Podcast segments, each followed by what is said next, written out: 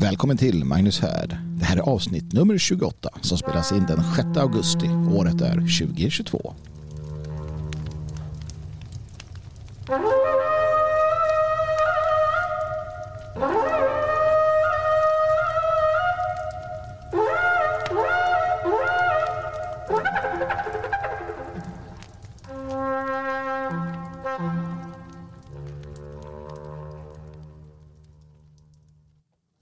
Varmt välkommen är du kära lyssnare till Magnus Härd efter en veckas uppehåll. Känns som flera år nästan.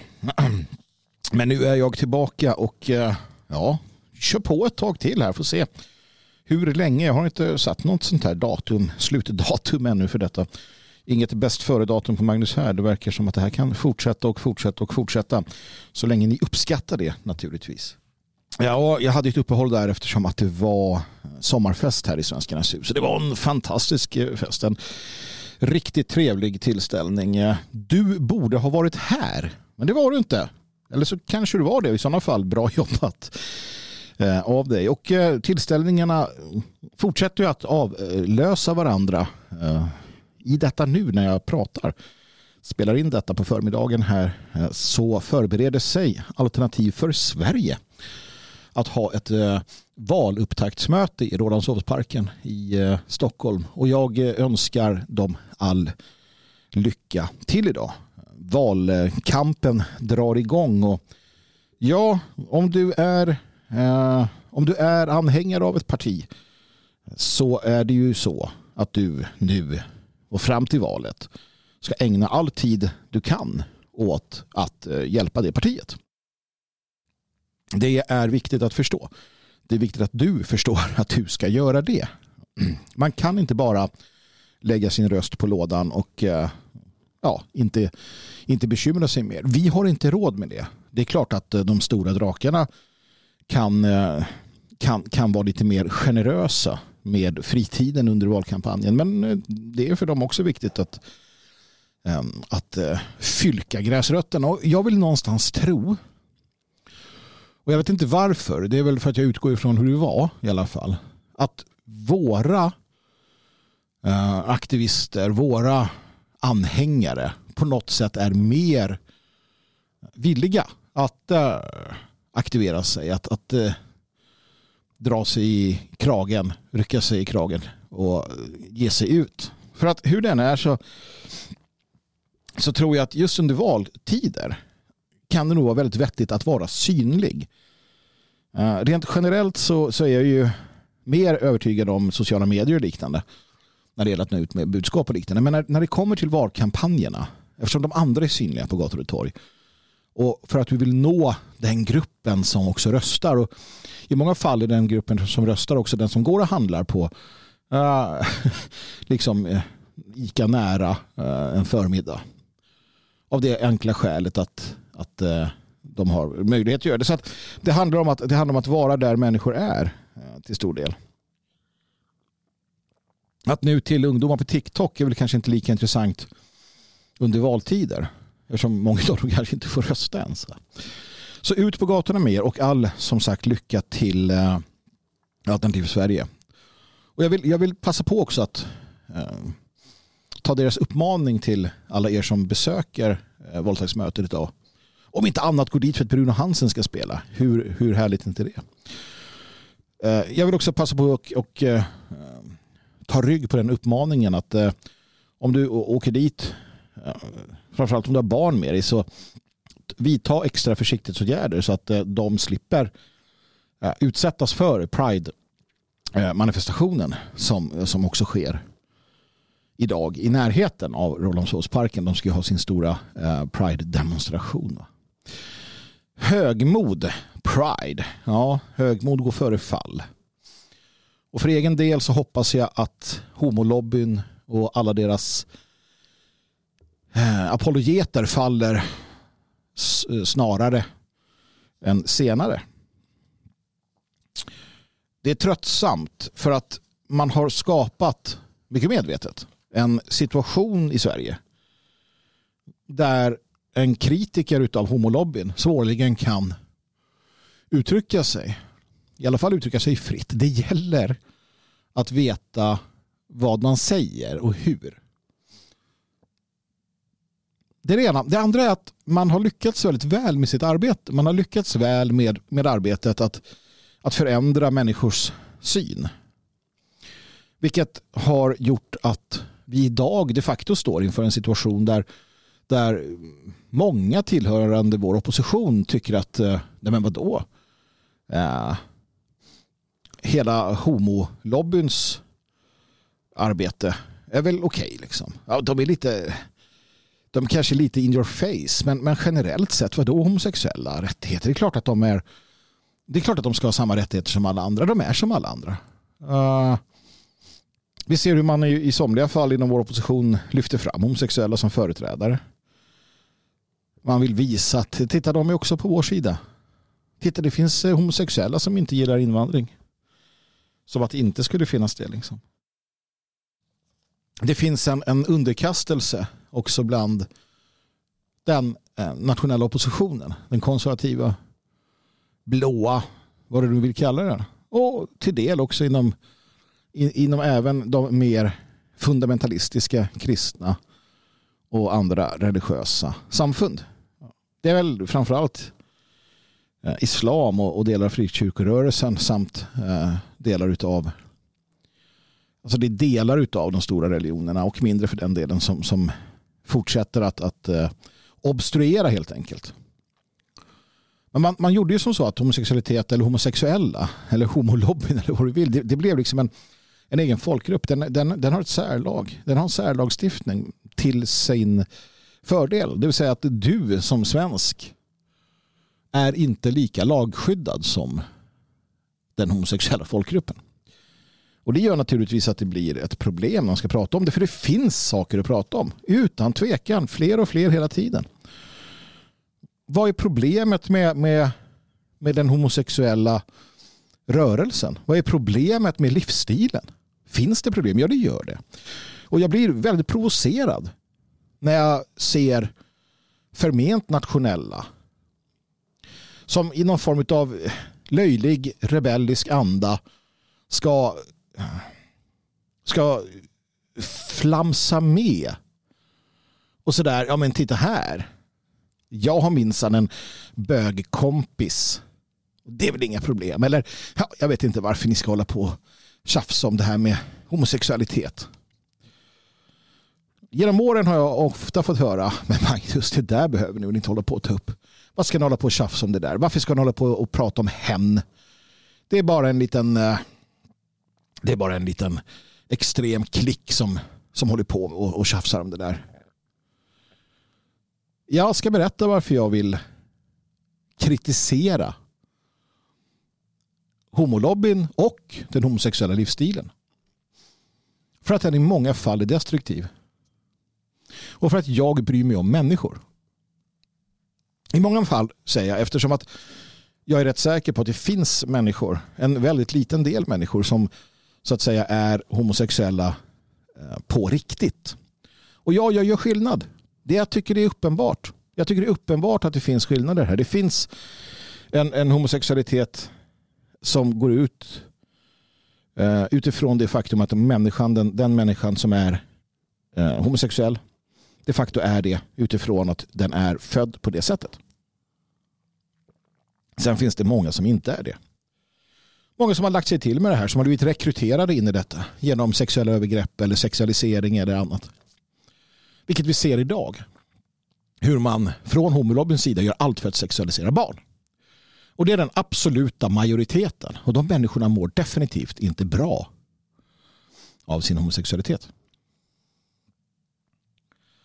För ett par år sedan så kom det ut en rapport från eh, Clapham-institutet Clap, Claphamin-institutet. Jag skrev om den här på Svegot. Jag vill ta upp den här rapporten igen. Jag vill citera lite ur den rapporten. Man har eh, i den rapporten gjort en inblick i Pride-rörelsen utifrån specifika ord och tittat på hur de orden används. Man har tittat närmare på vad Pride är för någonting. Man har tittat närmare på vad Pride antagligen då ehm, eller de facto vad Pride de facto är genom att titta på dess eget material. Till exempel om man tittar på ordet relation. Hur, hur uppfattas relation utav Pride-rörelsen? Man, man eh, skriver följande i den här rapporten från Clapham-institutet. Ordet relation får anses vara ett generellt positivt laddat begrepp. I Pride-programmet har ordet dock inte alls samma positiva laddning. Kategoriseringen 10 av just detta begrepp är dock inte lika entydig som i andra fall. Några exempel. Flera programpunkter handlar om relationsanarki, viljan att bryta upp och leva helt frikopplad från fasta relationer och där romantiska relationer ifrågasätts. Dessa har kategoriserats som negativa. Texter av typen fria relationer ur ett existentiellt perspektiv handlar att själv välja hur du vill leva har kategoriserats som neutrala. Arrangemang som lyfter fram relationer som något positivt eller värt att vårda däremot ytterst sällsynt i programmet. Någon, du, blir coachad i en personlig fråga som rör relationer i någon form är en av endast två träffar som kategoriserats som positiv. Alltså när Pride-rörelsen pratar om relationer så gör man det utifrån en problematisering. Relationer är problematiska. Det är ganska intressant att det är det som dyker upp när man då, som man har gjort i det här fallet, då, för ett par år sedan sökte i deras eget program. Men det är ju inte så konstigt när vi förstår eh, vad Pride handlar om. Vad homolobbyn handlar om. För det handlar inte om att vi är precis som ni. Vi är precis som ni monogama heterosexuella. Även om andelen monogama heterosexuella kanske också är på upphällningen, inte vet jag, i denna fallna tid. Just på grund av att sexuella minoriteter av olika slag och sexuella perversiteter eh, gör vad de kan. Och med sexuella perversiteter kanske jag då tänker på eh, den pedofila rörelsen. Det finns en sån som gör eh, anspråk på att få vara med på lika villkor. Man ska förstå oss. Vi älskar bara. Pride skadar folkhälsan konstaterar institutet. Man eh, kommer fram till att Pride har en bejakande attityd till företeelser som påverkar folkhälsan negativt. Droger, droger, sadism, smärta och prostitution. Man hävdar också i en debattartikel då för ett par år sedan i Dagens Samhälle att eh, Prides hela budskap riskerar att vara skadligt Eh, jag citerar. Ett flertal inslag bejakar teman som i realiteten leder till personliga tragedier som need play, att skada den egna kroppen och få den att blöda eller chemsex, att via droger skapa en starkare sexuell kick. Utifrån den alarmerande folkhälsosituationen med stigande psykisk ohälsa, droganvändning, sexuella övergrepp och självskadebeteende ser vi att Pride är allt annat än en hjälp för utsatta människor. Tvärtom framstår festivalen som en stor riskfaktor. Nu kanske inte festivalen i år har allt det här på temat men det var bara ett par år sedan innan coronapandemin. Att det här finns levande inom hela den så kallade då, eh, hbtqi plus eh, vad det nu är eh, rörelsen och, och, och inom homolobben. Det, det, det, inser man ganska snart genom en högst, högst eh, flyktig överblick över deras egna forum. Deras egna eh, deras egna tidningar eller deras egna eh, kontaktannonsnätverk. Det går att registrera sig och titta efter om man nu känner för det. Det är ingen rolig historia. Pride kallar sig för en kärleksfestival. Det är, det är kärlek, kärlek, kärlek, kärlek. är kärlek. Alla ska älskas. Det är ungefär som de tokiga frikyrkorna. Jesus älskar alla. Stora hjärtan. Det är vad det handlar om. Men eh, ja, hur står det till med den saken? Citat ur rapporten. Mediabilden ger också intrycket att Pride främst är en röst för kärlek. Men i jämförelse med de rent sexuella inslagen väger kärleksskålen lätt. Även i de programpunkter där ordet kärlek ingår är det i mer än hälften av fallen neutral eller direkt negativ kontext. Eh, ett sådant exempel är hur Kinky-kvarteret lyfter fram sadism som en företeelse som kan vara strikt teknisk, smekande, kärleksfull eller bara helt underbar. Ja, det kanske den kan för de som uppskattar det. Och jag är inte i detta nu här för och jag hoppas att jag inte gör det framledes heller att säga åt folk hur de ska göra, vad de ska göra när de gör det. Eh, det, är upp till, det är upp till var och en. Eh, och, och så tycker jag att det ska vara. Va? Och, och det tycker jag att Pride borde respektera också. Det vill säga, ja, ni ska inte trycka upp det i ansiktet på folk. Låt människor få utforska sin sexualitet om de nu vill det. Låt människor i relationer finna vägarna till, till Eh, den sexuella glädje som de, eh, som de får genom att då utforska det med varandra. Jag ser inte den här och det gör inte heterosexuella generellt den här, eh, det här behovet av en, en offentlig sexualisering av, av det vi pysslar med. Snarare tvärtom. Jag fortsätter att citera. Ett genomgående drag i Pride är en filosofi av normbrytande hyperindividualism. En anda som går i linje med ett alltmer narcissistiskt klimat i samhället. Samtidigt blir detta en filosofi och ett lokalt kulturklimat som kan bli människors skada istället för att inlämna dem i grundläggande värderingar som är kollektivt förankrade i samhället i stort. Och det här leder då naturligtvis både kvinnor och män i hela HBTQ etc. etc. spektrat. Det vill säga att man, man fokuserar på normbrytning. Och det kastar ut människor i känslor av, eh, av ensamhet och misslyckande. Och det här är ju någonting som också kommer i skenet av detta. Man tror, eftersom att man lever i en tid som bejakar detta, så tror man att man mår bra när man själv gör det. Som vi till exempel kunde se hur transaktivismen arbetar. Lösningen på dina problem är att byta kön. Nej, det absolut inte är så. Nej, hbtq-lobbyn, homolobbyn är en destruktiv kraft i vårt samhälle. En destruktiv kraft. Den gör människor illa. Den förvränger människors eh, psyke.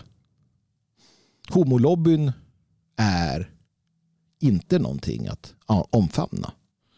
Vilket samhället gör och använder våra skattepengar till det.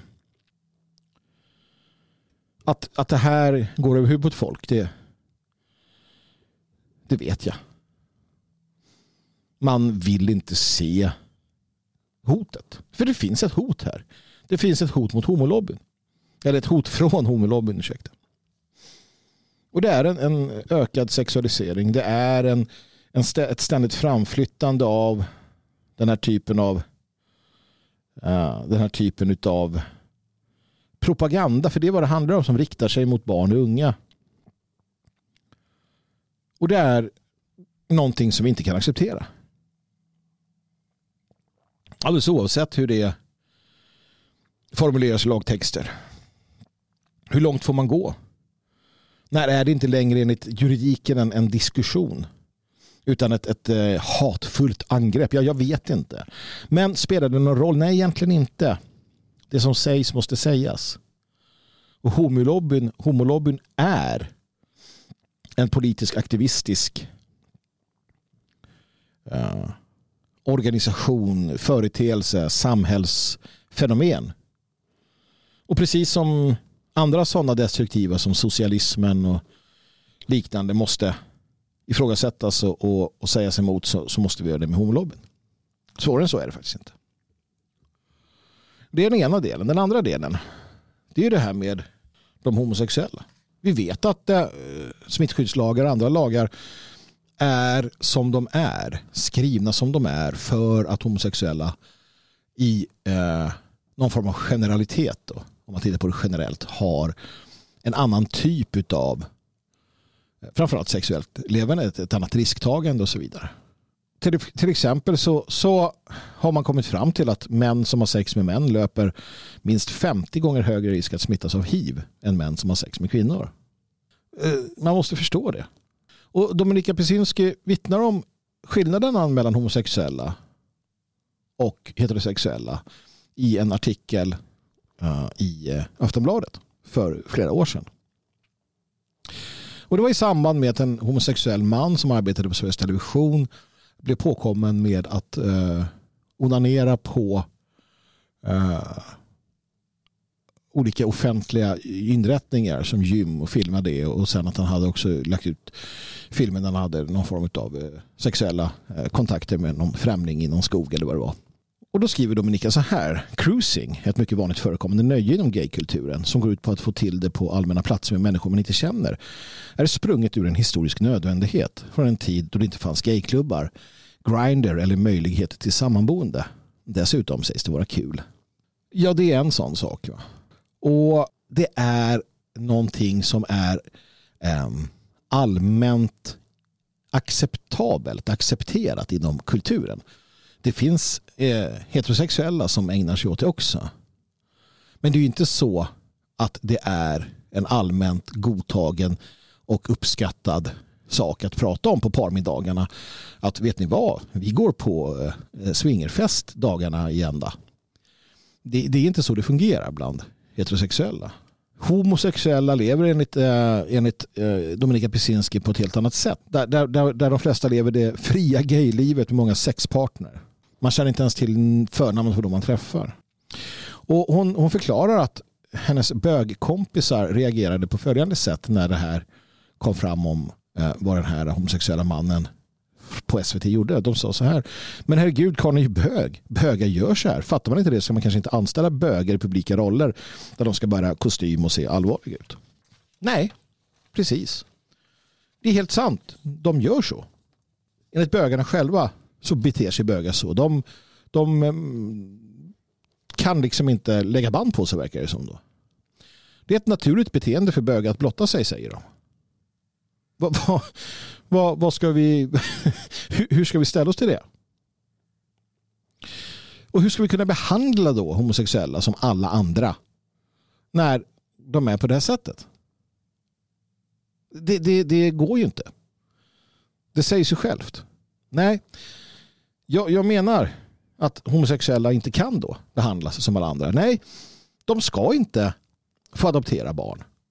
De ska inte få ingå äktenskap. De ska enligt mig då kliva tillbaka in i garderoben. Jag har inga problem att låta dem vara där. Jag har ingen och ingen jag känner har en, en syn där de ska käppjagas. Det, det, är inte det det handlar om. Det handlar bara om att det finns ett beteende, finns en, finns en, en eh, ett, ett levnadsmönster här som, som, som de facto är samhällsproblematiskt. Det handlar inte om kärlek, alla människors lika värde. Det handlar inte om några av de här buzzwordsen som det slängs med. Det, här, det handlar om helt vanlig jävla anständighet och hur, hur ett fenomen påverkar samhället i stort en, en, en, total acceptans och blottning av swingersklubbar eller dogging eller allt vad det nu heter. Det är inte acceptabelt heller. Den typen av, av sexuella utsvävningar och, och lössläppthet. Det är ingenting som ett samhälle kan, kan ställa sig bakom och accentuera och skapa festivaler till. Vi kan inte ha en swingerfestival. Vi kan inte ha en, ha en, en eh, SAM-festival i, i det offentliga om folk ägnar sig åt swingersex eller eh, BDSM, det är en annan sak. Men samhället har som, samhället har som krav, enligt mig, att, att lägga på ett lock på det här. Att se till att den här typen av sexuella avvikelser är sånt som just rör det privata. Att det hamnar där och att det stannar där. Det, det menar jag är en, en, en viktig Eh, och nödvändig för den delen aspekt av det hela. Så jag önskar AFS lycka till idag. Jag önskar inte Stockholm Pride lycka till idag. Jag önskar inte Pride-firarna eh, lycka till idag. För att det är en vulgär och på alla sätt och vis eh, otrevlig eh, sak de pysslar med. Det är någonting som inte är bra. Det är inte bra för individerna. Det är inte bra för samhället. Det är inte, det är inte bra på något sätt. Det finns ingen heder. Det finns ingen ära i detta. Det finns bara något basalt. Något, eh, något sådär. Ja, jag vet inte. Jag vill eh, spela musik för er. En eh, låt som eh, delades med mig av en eh, mycket god vän som för många, många år sedan eh, reste till Ukraina när oroligheterna på Majdan bröt ut. Han eh, deltog i eh, försvaret utav Ukraina. Och han skickade den här låten för att vi har båda två med många andra också då följt och följde den det heroiska försvaret av Mariupol, hamnstaden Mariupol. Som till sist föll i eh, den ryska invasionsstyrkans händer. Och vi eh, vi förundrades av framförallt Azov-soldaternas men också andra marinkårssoldater från den ukrainska armén och, och, och, andra som befann sig i stålverket Azovstal och, och deras, eh, deras envetna försvar. Det var påtagligt känslomässigt att se detta. Och många eh, föll, stupade där och många eh, tack och lov lyckades också eh, komma därifrån skadade men, men många befinner sig nu i, i rysk fångenskap. Och för bara några, någon vecka sedan så eh, besköts med, eh, med, med, med, robotar eller missiler eller vad det nu var, artilleri, ett, ett fångläger där Azov soldater eh, satt fångna. Eh, med, med eh, all, all säkerhet var det ryska eh, militären som gjorde det. Alltså oavsett, försvaret av Mariupol och försvaret av stålverket kommer eh, gå till historien som ett av de där exemplen. Som när de tyska soldaterna försvarade sig under reträtten från Sovjet. Eller andra tillfällen. Dunkirk skulle jag kunna tänka mig också det handlar inte så mycket om vilken sida man, man väljer här utan man, man respekterar och beundrar de män, framförallt män men också naturligtvis kvinnor eh, som, som uthärdar, som står fasta. Och i sken av detta så fick jag den här eh, balladen tillsänd mig. Det är från eh, gruppen eller låtskrivaren eller vad, vad det kallas för som heter Rome. Och jag vill att vi lyssnar på den här tillsammans och eh, bara skänker en tanke åt eh, försvararna av Mariupol.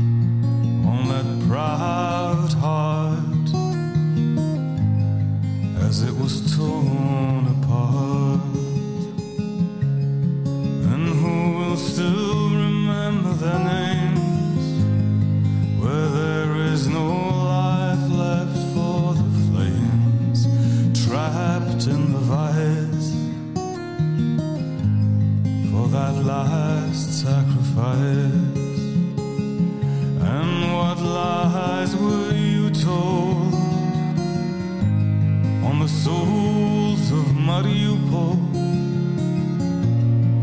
As they were torn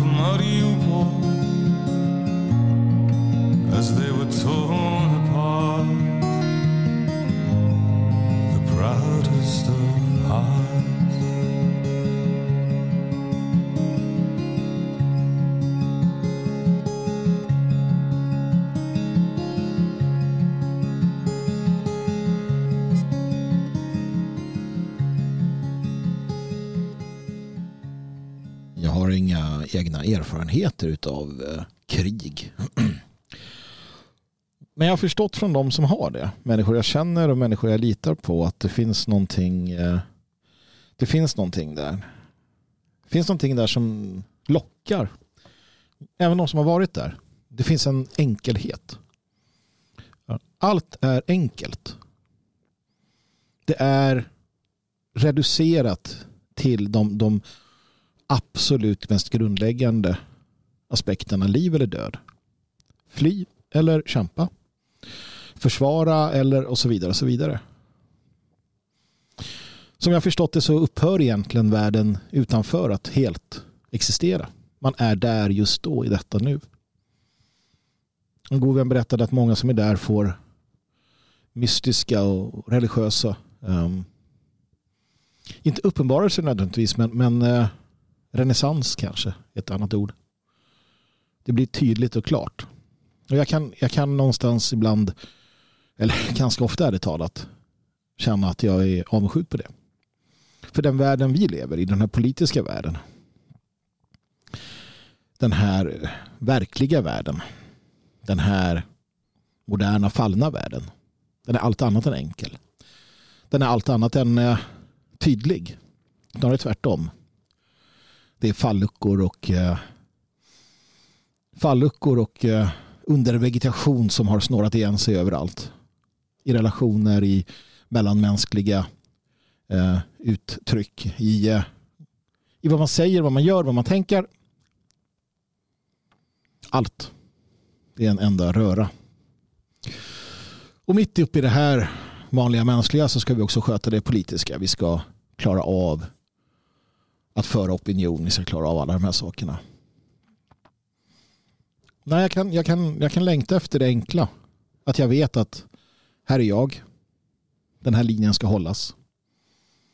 Och så är det bara. Jag förstår att många av dem som har varit där vill tillbaka.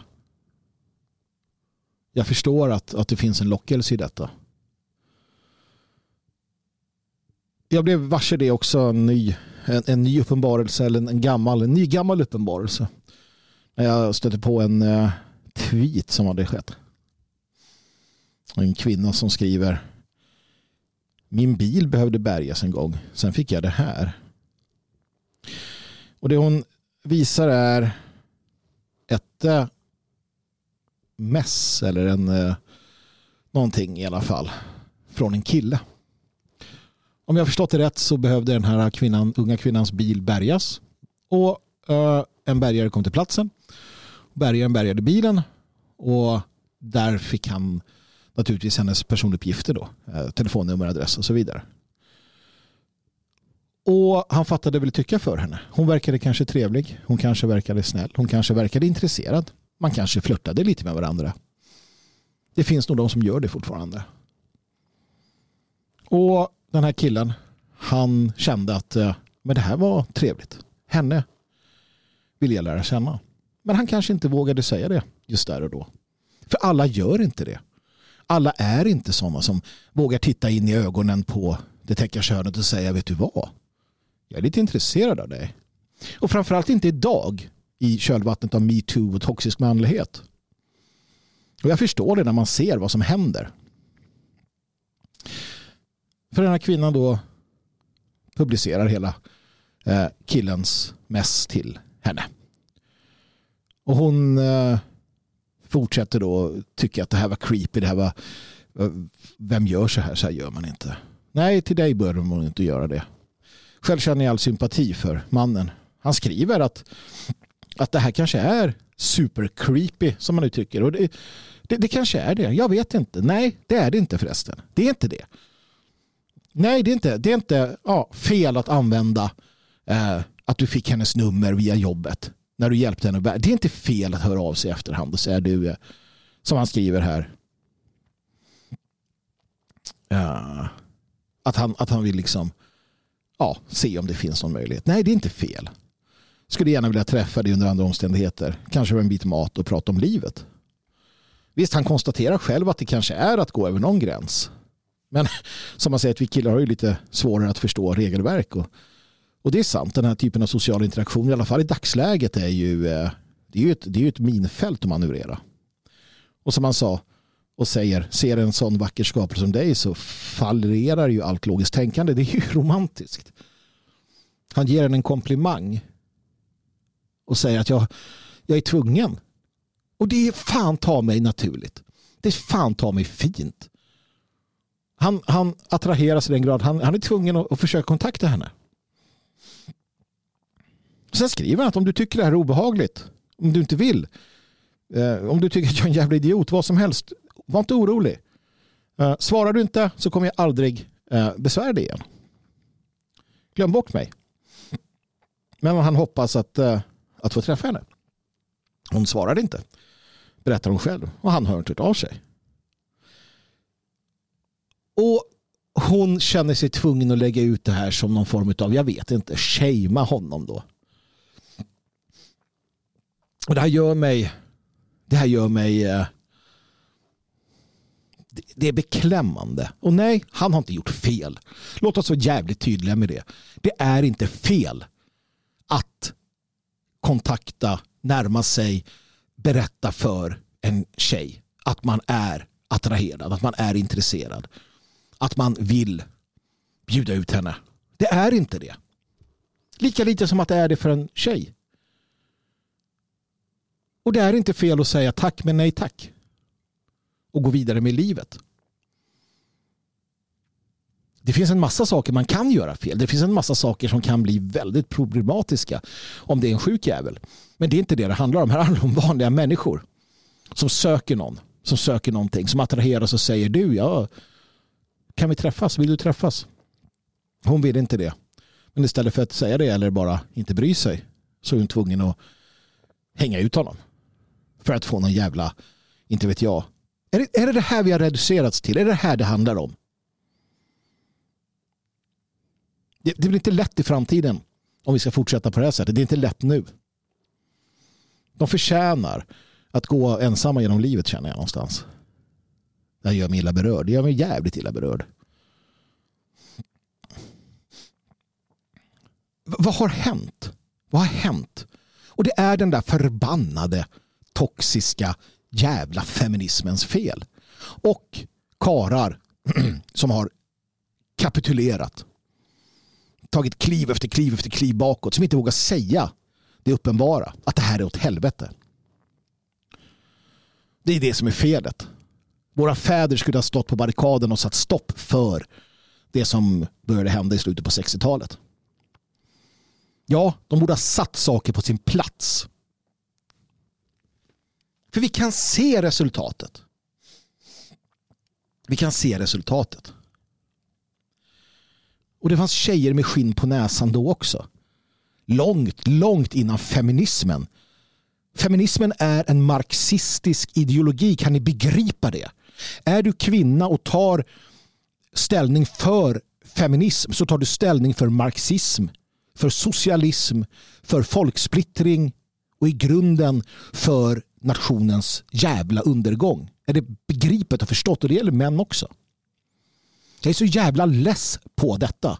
Denna historiska okunnighet och denna ideologiska efterblivenhet.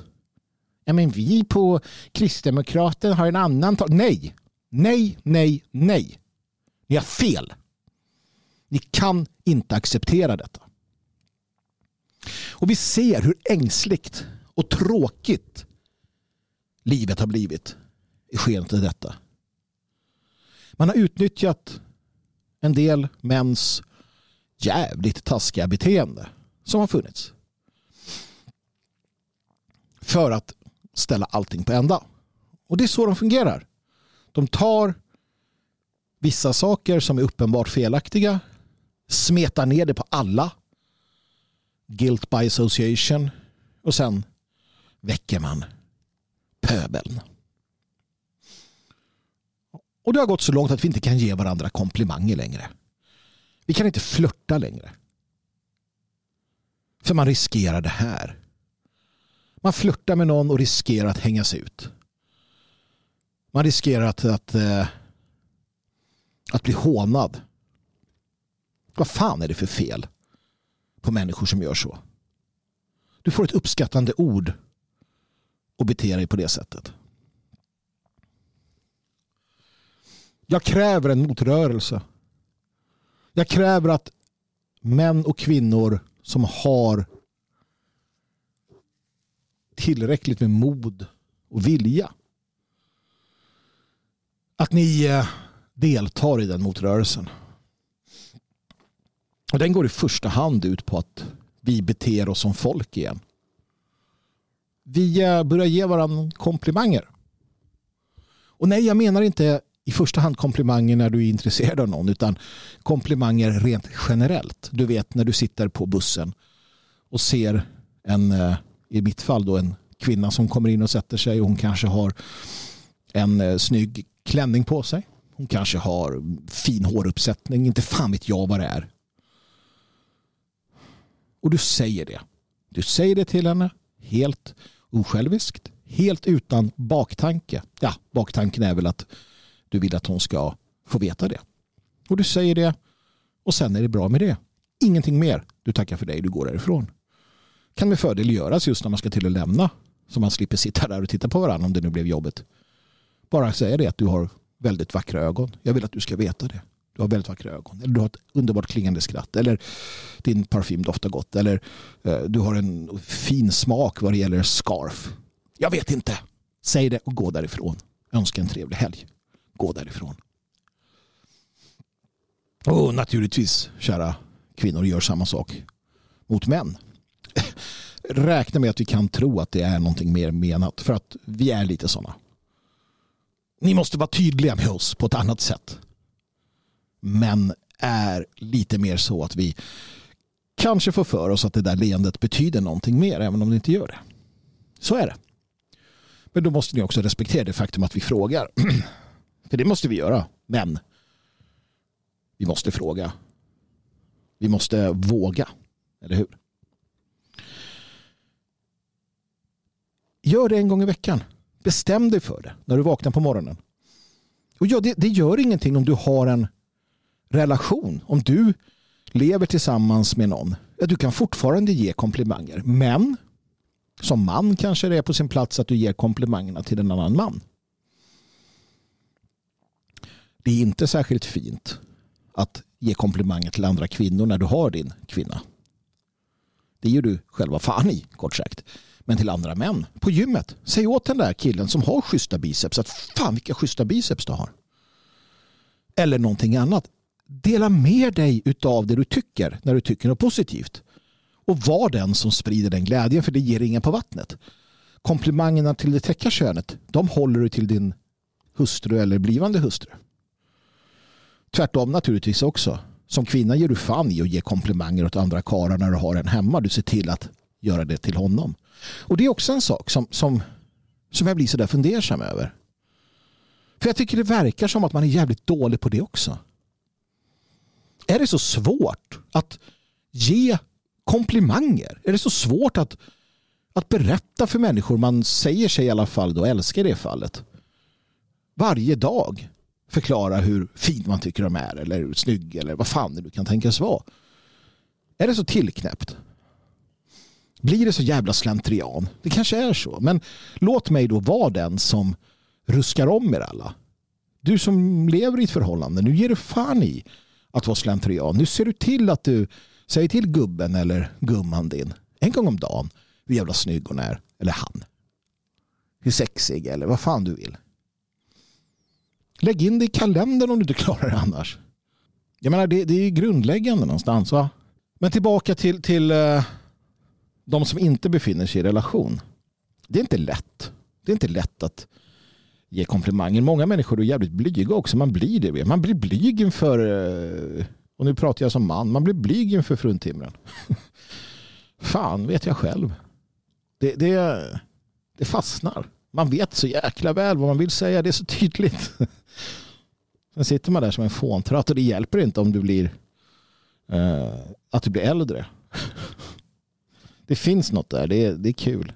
Man måste se det som det. Man måste se det som, som eh, det spel det är. Och då menar jag inte spel som de här jävla trötta the game-teoretikerna håller på med. Sånt skit kan ni kasta på sophögen. Så att börja med att ge, ge, ge komplimanger. Ge komplimanger till någon som du inte har några känslor för. Alltså du, du känner dig inte intresserad. Titta på någon och, och, bara ge en komplimang om vad det än månde vara. En ärligt menad komplimang och sen går du därifrån. Med tiden så blir det lättare för dig. Det är viktigt att du alltid är ärlig. Jag är alltid ärlig i det. Jag är alltid ärlig. Jag skulle aldrig eh, så att säga för sakens skull bara. Då är det bättre att hålla käften. Men eh, håll inte igen liksom. Som sagt, samma sak eh, men nästan viktigare för dig som är i en relation. Jag, jag är så pass jag är så pass gammal tänkte jag säga, men det är fel. Jag är inte så jävla gammal. Det där är bara någonting som man slänger ur sig. Men att, att, ha, att ha den kollen, det är viktigare än du tror. Är. Men jag förstår, alltså, jag förstår ju att, att det går åt skogen och det är viljan som finns från denna världens härskare. Det är att slå, slå, slå in kila mellan oss alla. Att vi inte ska göra varandra glada. För det värsta som kan hända när du ger någon en komplimang det är faktiskt att personen i fråga blir glad. Eller ja, det var sant tills nyligen. För tydligen så kan du alltså bli uthängd och skammad för att du bjuder på dejt. Vad är det för jävla beteende? Men här gäller det att eh, bita ihop. För de flesta är inte sådana jävla satmaror som det här fruntimret. Och det finns säkert män som är precis lika vidriga. De flesta tycker om att bli utbjudna. De flesta tycker om att bli eh, få komplimanger om sitt utseende eller om sin smak vad det gäller kläder eller vad det nu kan tänkas vara. Samma sak, tacka kocken på krogen.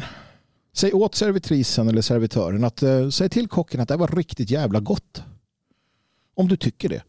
Säg till servitrisen att fan vad kul att du Eh, hade mig idag. Du har gjort den här måltiden mycket, mycket bättre genom att vad det nu kan vara. Och så dricksar du lite extra och går därifrån snabbköpskassörskan i kvarteret där du bor, hon eller han, om det är en, en cool, bra människa som, som gör det bättre, säg det.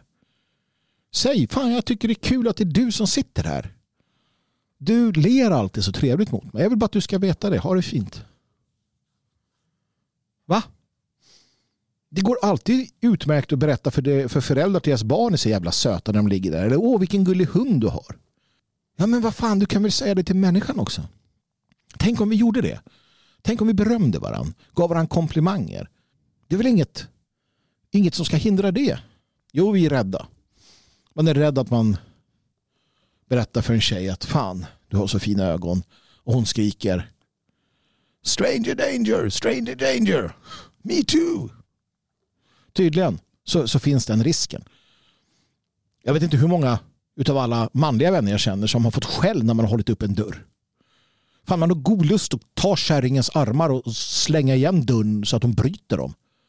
Jag har fått skäll när jag har hållit upp en dörr. Varför håller du upp dörren åt mig? Jag kan hålla upp dörren själv. Jag kan öppna själv. Fäll kärringen. Man kan få skäll nu för tiden när man erbjuder platsen åt någon. Vadå? Bara för att jag är gravid så betyder det inte att jag inte kan stå. Sorry. Vad fan har hänt? Vi toxiska. Jag toxisk.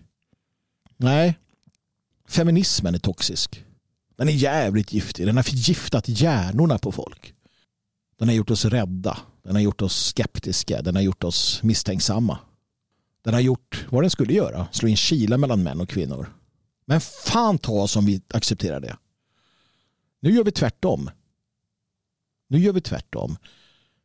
Vi eh, går på offensiven för kärleken för traditionen. Va? För det rätta, för det fina. Det är vad vi gör. Inte det de vill att vi ska göra.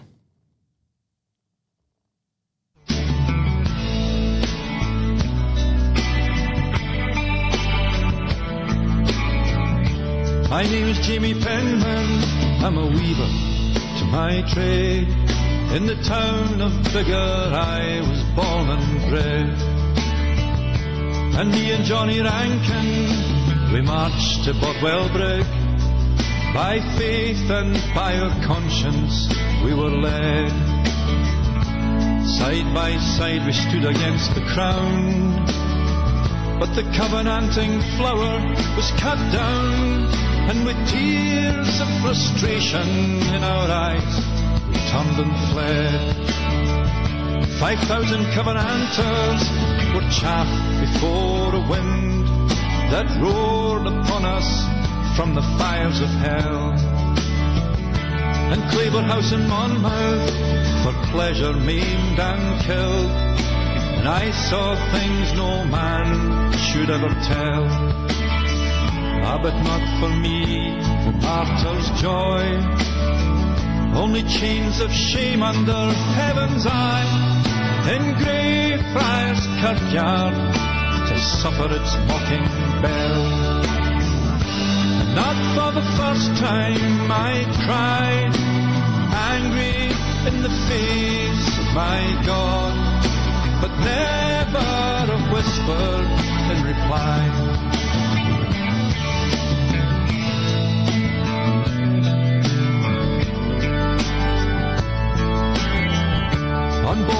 Of London, there's a stinking fever hold, and we were dragged roughly crammed inside. No food or any water, and hardly any air. For fifteen days we sweated, choked and cried. We thought that ship was Satan's curse. But when she said sail, it was ten times worse. And no one gave a damn if we lived or if we died. We were bound for Jamaica to be plantation slaves, far from those gentle hills that held our homes. But sailing up to Orkney, a black storm ripped the sky, and on those jagged cliffs the crown was thrown.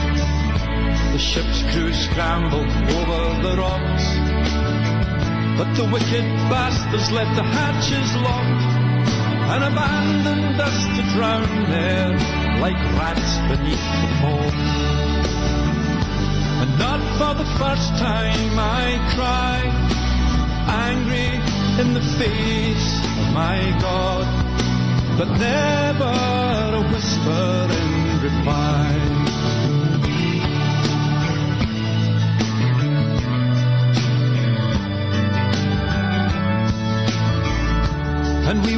Swallowed by a vicious, hungry sea. The water blasted through the timbers tore. In panic and confusion, one hatch was broken wide, and some of us were spat towards the shore.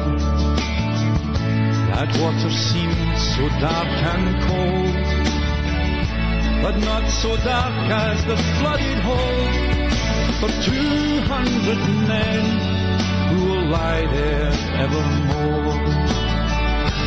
Not for the first time I cry, angry in the face of my God. But this time the heavens open wide with a crash and a roar of anger and pride. I turned from the deep, dragging my feet to search in the dark for the road.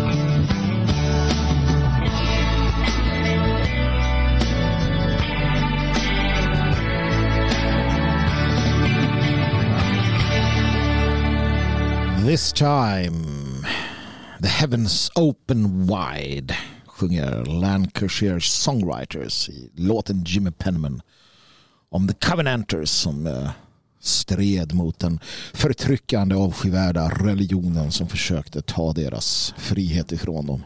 Ja. Det spelar ingen roll om ofriheten och hatet förklär sig i Kristus korsets religion. Om det är det det står för så ska vi bekämpa den. Så enkelt är det mina vänner. En knepig tid lever vi i. Så är det. Och någonting som jag reflekterar ofta över är att allting ska gå så in i helskotta fort. Allt ska gå fort. Man ska gå fort, först och främst. Man ska röra sig fort, vart man än ska. Rör man sig inte fort och så här, ja men släpa inte benen efter dig. Kom igen nu, rör på dig. Pam, pam, pam, det ska hända fort allting. Jag vet inte, tiden går i alla fall hörni. Så äh, att skynda, visst, äh, att skynda har sin tid. Men inte all tid. Vare sig du vill det eller inte så går tiden. Den går framåt obenhörligen. Du ska använda den så gott du kan. Men eftersom att den också alltid går så finns det ingen mening med att inte våga drömma. Att inte våga satsa på någonting som tar tid. Varför ska du undvika att satsa på någonting som kommer ta tid när tiden ändå går? Vad ska du göra med tiden? Vad är det du gör med tiden som är så jävla viktig? Jag svär i det här programmet märker jag. Jag vet inte om jag gör det ofta. Men jag gör det för att jag är lite, jag är lite upprörd tror jag. Vad är det som är så viktigt med tiden? Vad är det du skyndar till? Vad är det som är så viktigt du ska göra? Vilket gör att du inte kan ta tid att bygga upp och sträva efter det som är viktigt att göra. Vad är det du, du ska hinna till? Vad är det som springer ifrån dig? Ja, det som springer ifrån dig är tiden. För att du inte tar dig tid. Vår vision. Har du en vision? Har du en vision? Om du inte har en vision, varför har du ingen vision? Varför har du ingen vision om ditt liv? Vart det är på väg? Varför har du ingen vision om vart vi är på väg? Om vår opposition?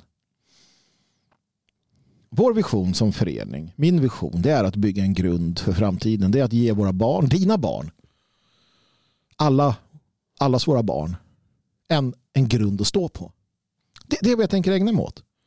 Det och att bygga upp försvarsvallar. Försvarsvallar som gör att jag kan skydda först och främst de som står mig närmast.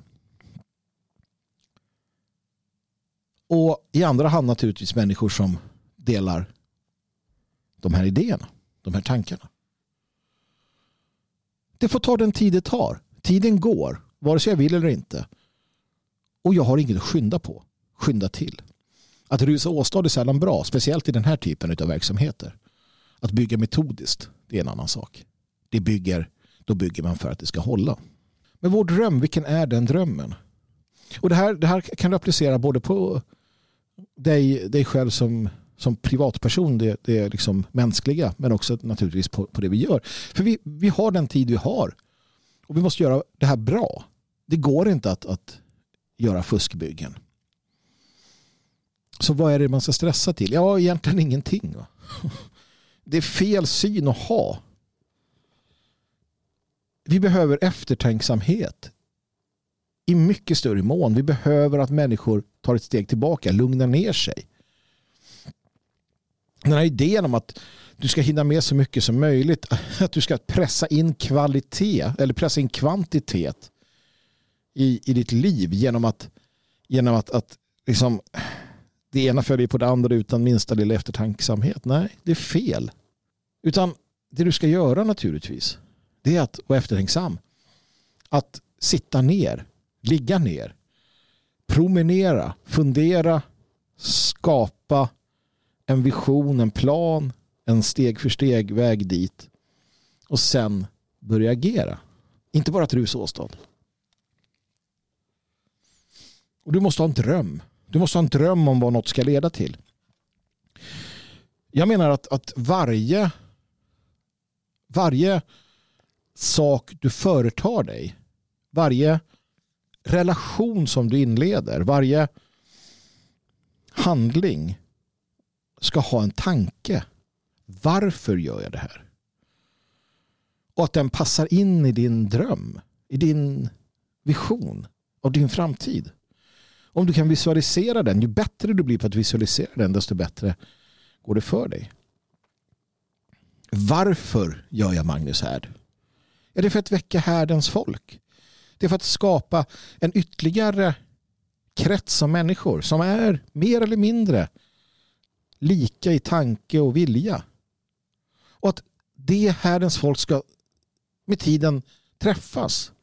Och att det ska uppstå skön musik. Att det ska uppstå relationer.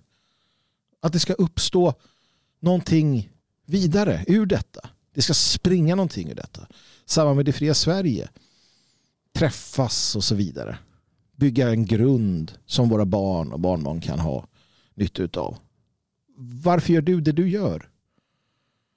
Ja men du måste veta det. Du kan inte bara kasta dig ut och se vad som händer. Jag, jag fungerar inte så. Jag tror inte att det är en, en framkomlig väg på det sättet. Sen kan man vara spontan, det är en annan sak. Jag, jag, jag tänker att ni är så pass kloka att ni förstår vad jag menar. Och man behöver inte vara rigid i det att du måste ha ett, en plan som ska följas till, till 100% heller. Utan ja, det första som händer med en plan är att den måste skrivas om så fort den möter verkligheten. Det vet man också. Men, men våga ha visioner. Våga ha det här målet med delmålen till det. För tid, det har tid. Du har den tid du har. Va? Du måste få tiden att räknas. Och eftersom tiden ändå går, återigen, så varför ge upp drömmen bara för att du känner att den kommer ta tid? Du kommer hitta henne. Du kommer hitta honom. Om du ger dig tid och att du arbetar mot det målet. Du kan inte bara sitta passiv. Overksamhet är död. Overksamhet är undergång. Då tar kaoset över. Lämna någonting och kaoset kommer ta över. Så länge du lever måste du vilja, våga och ta stegen mot det. Du måste ha en, en vision, en plan, en idé. Sen kan den ändras under loppet. Under loppets gång. Men, men ha den. Ha den klar för dig. Som, eh, som en, en, en karta att följa. Det menar jag är eh, någonting som gör ens liv bättre. Nåväl, du gör som du vill naturligtvis. Det är inte, det är inte min sak att, att bestämma det. Jag försöker i alla fall leva på det sättet. Och ibland blir man tagen på sängen och ibland går det åt något helt annat håll. Men eh, man vet i alla fall vad man vill när, när man gör det. Hörrni, det här var eh, första Magnus här efter Eh, uppehållet tänkte jag säga. Jag, jag, har varit borta en vecka. Så att något uppehåll eh, var det väl inte att, att orda om egentligen. Um, återigen den här uh, diktsamlingen som vi ska ha. Den uh, fortsätter att ha lediga platser. Jag börjar, börjar snart känna att det är dags att sätta stopp för det. Uh, om du, inte, om du vill vara en av dem som kommer hit till Svenskarnas hus, äter en middag, umgås och läser varsin dikt för varandra som vi sen pratar om, mer eller mindre, så kan du bara mejla till mig på magnushärd.protonmail.com eh, alltså Magnus Härd och då eh, stavas Härd H-A-E-R-D protonmail.com. Du kan också skriva via Twitter eller sådär. Ja, där du kan få tag på mig. Men mejlen är bäst. Frågor och funderingar är också välkomna att skicka till mejlen så får vi se om jag kan plocka upp dem. Jag funderar lite grann på hur eh, Magnus Härd ska utvecklas, vad det ska bli utav detta. Och eh, du är välkommen att skicka funderingar och tankar och sådär. Vad tycker du att man ska eh, ta upp och, och prata om? Naturligtvis. Donationer, ja, ja det kan vara att jag har fått in donationer. Eh, jag har inte fått uppgifter på donationer där härden står som meddelande. Så att jag kan inte tacka er personligen. Men jag tackar er som har donerat. Det är en del av att, att understödja det här arbetet naturligtvis. Eh, och du är välkommen att skicka in donationerna på 123 510 5762. Swish alltså. Swisha till 123 510 5762. Märk det med härden. Svegot.se Dagens Svegot, Magnus Härd, på gamla och nya stigar. Det finns en, en flora av poddar, direktsändningar och annat är viktigt och intressant att ta del av. Se till att utbilda dig, fortbilda dig, bli underhållen och bli motiverad genom att gå in på svegot.se och bli stöd prenumerant om du inte är det. Tillfredsverige.se, föreningen som jag tror passar dig. Jag tror den passar dig, jag tror att du borde vara en del av den. Jag vill gärna att du är det. Jag vill känna att jag kan ta rygg på dig och veta att du tar rygg på mig. Logik.se, bra böcker. Bara faktiskt bra böcker. Livets mening, kör du. Glöm inte den. Slåss med troll, befria prinsessor, döda varulvar det är att leva det. Och sist, men inte minst, vad det än handlar om, ge aldrig upp. Mm.